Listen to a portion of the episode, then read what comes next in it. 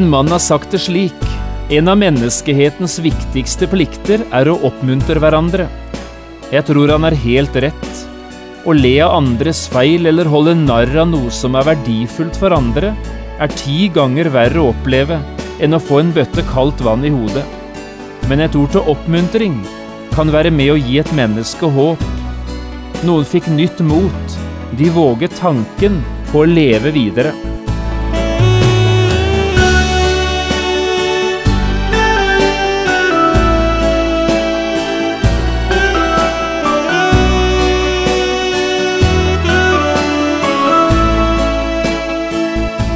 Hjertelig velkommen til et nytt program i serien Vindu mot livet. Programmet er produsert av Kristen Riksradio og blir ledet av Jon Hardang. Dette programmet er produsert med støtte fra Herman Høyfjellssenter.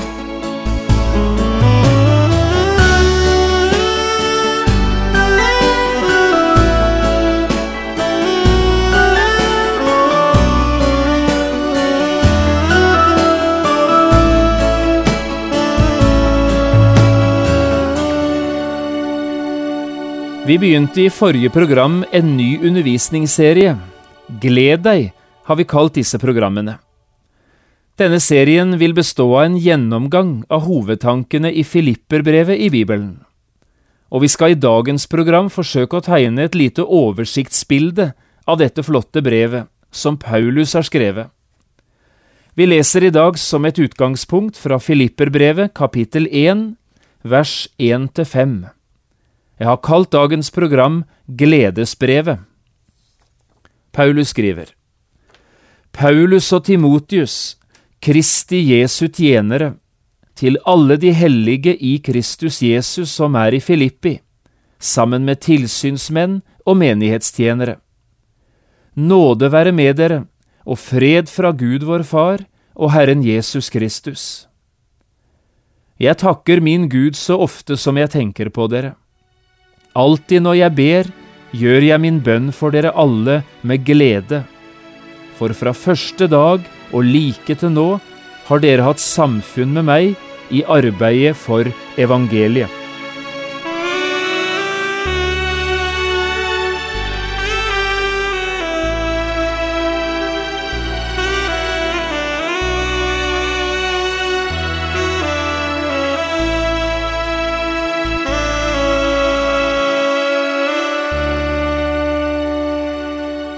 Det er sagt at Filipperbrevet er et lite brev med et stort budskap. La oss i dag prøve å få en viss oversikt over hva dette korte, men herlige nytestamentlige brevet egentlig handler om. Filipperbrevet er egentlig verken et langt eller et krevende brev å lese. Det består av 104 små vers fordelt på fire kapitler. Leser du brevet rolig igjennom, vil det ta deg 14–15 minutter å komme gjennom disse fire kapitlene. Lengre tid tar det ikke.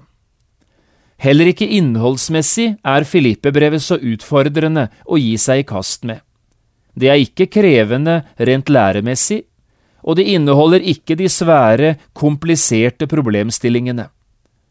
Jeg tror Filipper-brevet må være et av de enkleste av alle nytestamentlige brev å lese.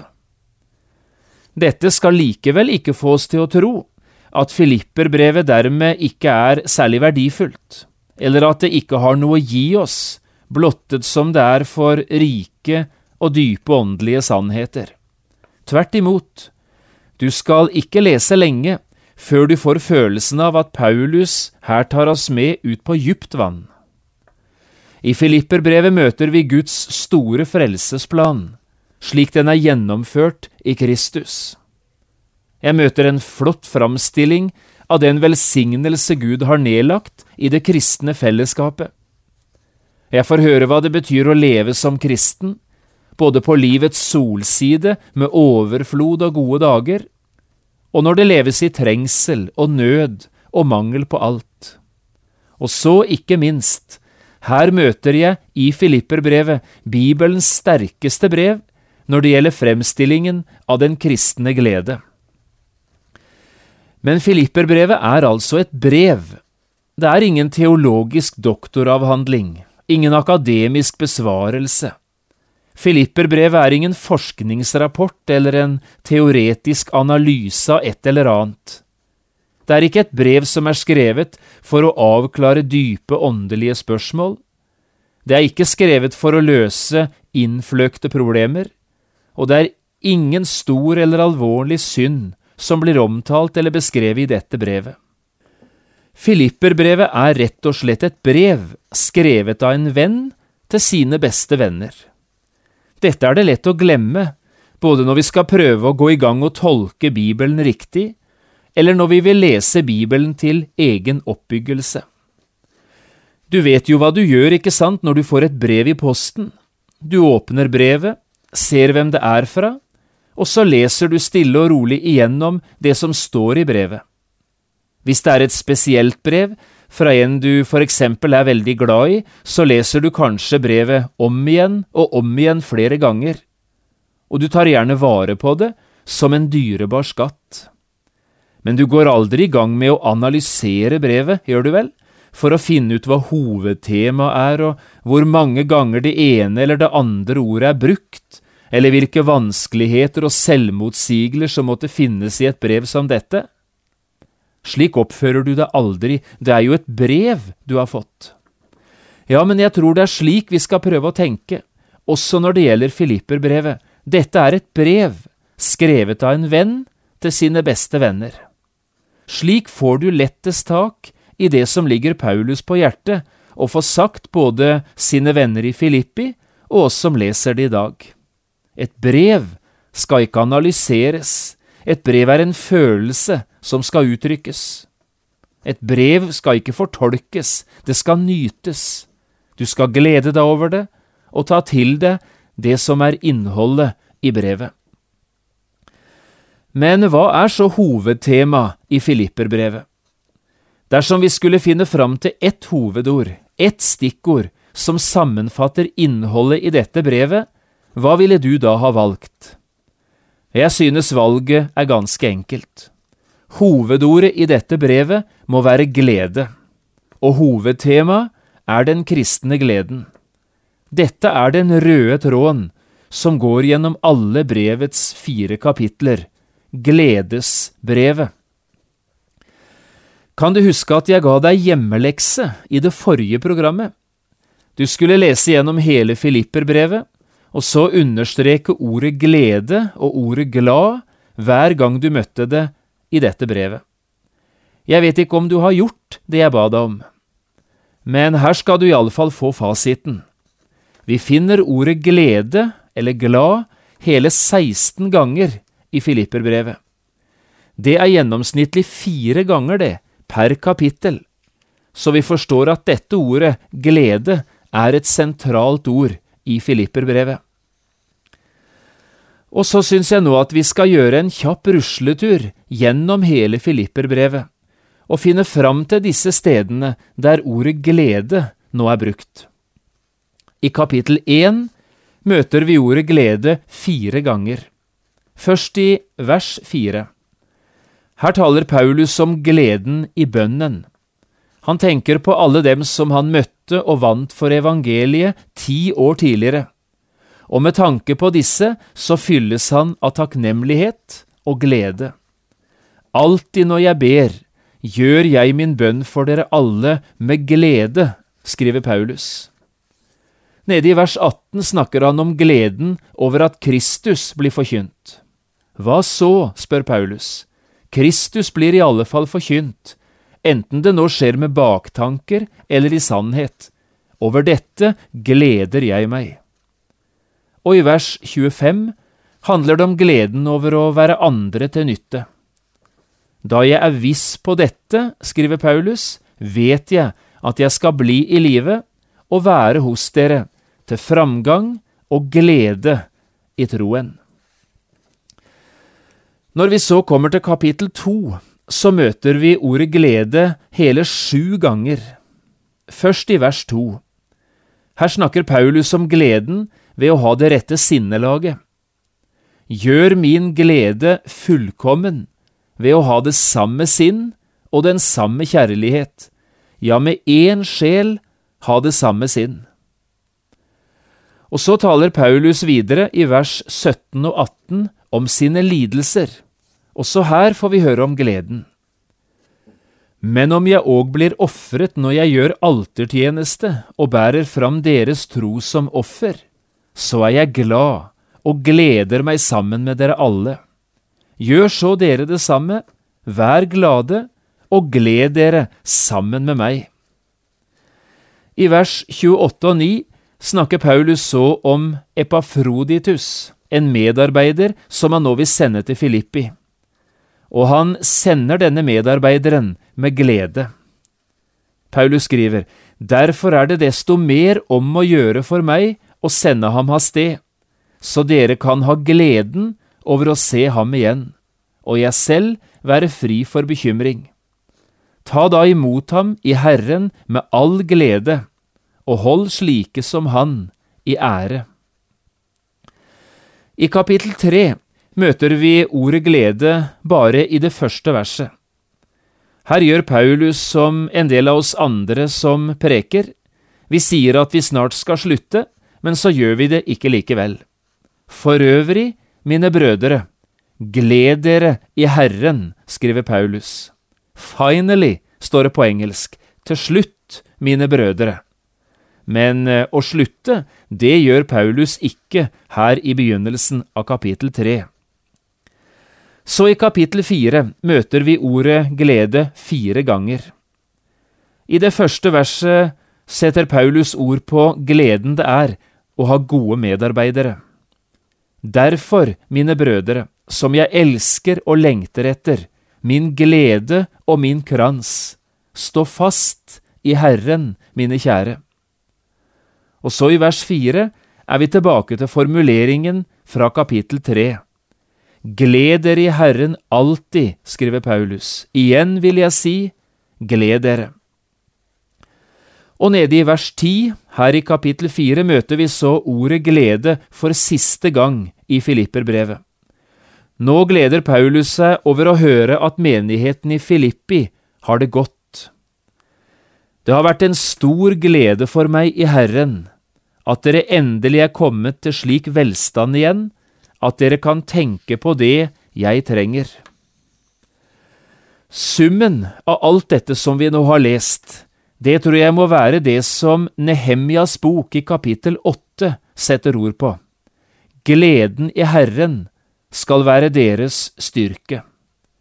Dette er i sum hovedbudskapet i Filipperbrevet.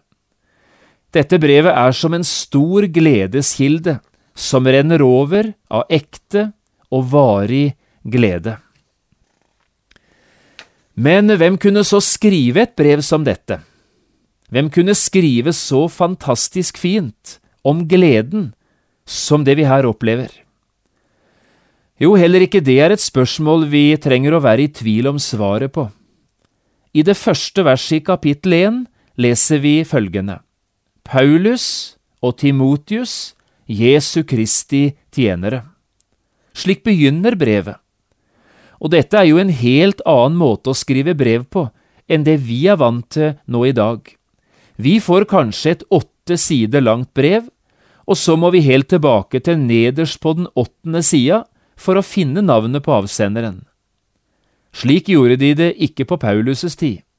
Der startet de med avsenderen, så skulle ingen være i tvil om hvem brevet kom fra. Derfor er det ikke tvil om hvor Filipperbrevet kommer fra. Avsenderne er to personer, Paulus og Timotius. Men i hvilken situasjon befinner de seg så, disse to skribentene? Dette spørsmålet er det en stor overraskelse å oppdage svaret på. Vi ville gjerne ha tenkt at dette er to medarbeidere som er på ferie på Rivieraen, eller kanskje på badeferie på en av de greske øyene. Det måtte gjerne være et passende sted å befinne seg når en skal skrive et brev som handler om den kristne gleden. Men eh, vet du hvor Paulus befinner seg? Han sitter i fengsel, i Roma. Gledesbrevet i Bibelen er skrevet av en mann som sitter i lenker. Han er fange i Roma for evangeliets skyld. Hør hva Paulus selv skriver i kapittel 1 og vers 12. Jeg vil at dere skal vite, brødre, at det som er hendt meg, heller har ført til framgang for evangeliet. Hent meg, sier Paulus. Hva er det som har hendt Paulus? Jo, i vers 13 og 14 fortsetter han. Det er nemlig blitt kjent for hele livvakten og for alle de andre at det er for Kristi skyld jeg er i lenker, og på grunn av mine lenker er de fleste av brødrene blitt så tillitsfulle i Herren at de med enda større mot taler ordet uten frykt. Slik skriver Paulus. Han sitter altså i fengsel og skal bli sittende her i Roma i sitt første fangenskap i mer enn to år. Og her sitter han sammen med romerske vakter, som én etter én på skift hadde ansvaret for å passe på Paulus. Den store apostelen ser dette som en flott mulighet til å dele sin glede med dem, gjennom å forkynne budskapet om Jesus. Dette syns jeg er flott å tenke på. Vi ville aldri ha forventet at en mann kan skrive et gledesbrev mens han sitter lenket fast til en romersk soldat. Men det er altså det som skjer her. Og hvis vi lærer å tenke slik Paulus tenker, så forstår vi dette. Jeg har fått en unik mulighet til å vitne, tenker Paulus, og det for mennesker som jeg ellers aldri hadde nådd med evangeliet. Og det er ikke bare det at Paulus har fått mulighet til å vitne, soldaten har ingen mulighet til å komme seg unna. Hver eneste romerske soldat måtte vær så god sitte og lytte til det Paulus forkynte og på denne måten var flere romerske soldater blitt frelst. Mot slutten av kapittel fire, i vers 22, kommer Paulus med en hilsen til menigheten i Filippi. Alle de hellige hilser dere, særlig de som hører til keiserens hus, skriver han. Evangeliet hadde altså slått rot i keiserens hus, i Cæsars eget palass. En mann sa det slik om Guds måte å lede oss på. Vi får ikke gratis omveier rundt problemene om vi blir kristne, men vi får guidet tur igjennom dem. Hva slags folk er det så som får et brev som dette? Jo, også det står det i kapittel 1.1. Til alle de hellige i Kristus Jesus som er i Filippi, sammen med tilsynsmenn og menighetstjenere. Adressaten er altså de kristne i Filippi og deres åndelige ledere. Byen Filippi var en romersk koloni, et lite Roma i miniatyr. En utpost her ute i det romerske verdensriket, der innbyggerne dyrket det samme livet og den samme livsstilen som de gjorde det i selve Roma. Dette skal vi komme litt nærmere inn på i et senere program. Men brevet er altså skrevet til kristne mennesker, som ved troen på Jesus var født på ny, og som nå tilhører Gud og representerer Hans rike i byen Filippi. Og så nevnes altså menighetens ledere spesielt. Disse kristne menneskene hadde vært Paulus' viktigste medarbeidere og støttespillere i hans første tid som reisende forkynner. Du skal legge merke til hva Paulus sier i kapittel 4 og vers 15. Dere vet jo selv, dere filippere, at i evangeliets første tid, da jeg dro ut fra Makedonia, var det ingen annen menighet enn dere som hadde slikt samfunn med meg at det ble ført regnskap over gitt og mottatt. Alt dette hadde skjedd for ti år siden, men når Paulus nå skriver, tenker han tilbake på dette i stor takknemlighet. Da hadde de vært helt nye som kristne, men allerede da utviste et sinnelag som få andre steder kunne vise maken til. Så til slutt, hvorfor ble Filipperbrevet egentlig skrevet? Jeg tror vi finner tre enkle og viktige svar på det spørsmålet her i brevet. For det første, Paulus skrev for å takke dem. De troende i Filippi hadde betydd enormt mye for han så når han nå skriver brevet sitt, så gjør han de stor og dypt følt takknemlighet. For det andre skriver Paulus for å advare menigheten i Filippi. I kapittel tre og vers to bruker Paulus tre ganger det samme uttrykket Hold øye med, skriver han. I dette ligger det en advarsel. Uttrykket hundene som han bruker, forteller om mennesker som sto Jesus Kristus imot, og som kunne være farlige for de kristne i Filippi. Å glede seg i Herren betyr altså ikke at du kommer i en slags åndelig rus, at du blir åndelig bevisstløst og mister din åndelige dømmekraft. Tvert imot, glede i Herren betyr god åndelig beredskap. Slik var det i Filippi, og slik er det i dag. Den tredje grunnen til at han skriver, er for å oppmuntre dem. Se bare til at dere lever et liv som er Kristi evangelium verdig, sier han i kapittel 1, 27. Også flere andre steder i dette brevet møter vi oppmuntringen til det gode. En mann sa det slik, en av menneskehetens viktigste plikter er å oppmuntre hverandre. Jeg tror han hadde helt rett. Å le av andres feil eller holde narr av noe som er verdifullt for andre, er ti ganger verre å oppleve enn å få en bøtte kaldt vann i hodet. Men ord til oppmuntring er med og gir menneskene håp. Noen fikk til og med nytt mot, og våget, nettopp på grunn av oppmuntringen, tanken på å leve videre. Filipperbrevet er et flott brev med et flott budskap, skrevet med tre gode hensikter – for å takke, for å advare og for å oppmuntre. Kanskje også du i dag skulle sette deg ned og skrive det brevet du lenge har tenkt du skulle skrive, men aldri fått sendt. Det skal ikke så mange ordene til, men virkningene av slike brev er mye større enn vi ofte tenker. Skriv det brevet du har tenkt å skrive, og skriv det nå i dag. Noe filipperbrev blir det selvsagt ikke, men skriv det likevel. Det vil ganske sikkert ha sin virkning. Noen trenger et ord i takknemlighet, noen trenger kanskje en advarsel, og mange trenger din oppmuntring. Kanskje du til og med skulle skrive noen ord til oss her i P7, Kristen Riksradio, og gjerne fortelle oss hva disse radioprogrammene har betydd inn i ditt liv. Du har kanskje et vitnesbyrd å dele med oss om noe du opplevde i møte med ett konkret av disse programmene. Og kanskje har du gode råd å gi til oss som lager disse programmene. Du skal være velkommen til å skrive, også til oss.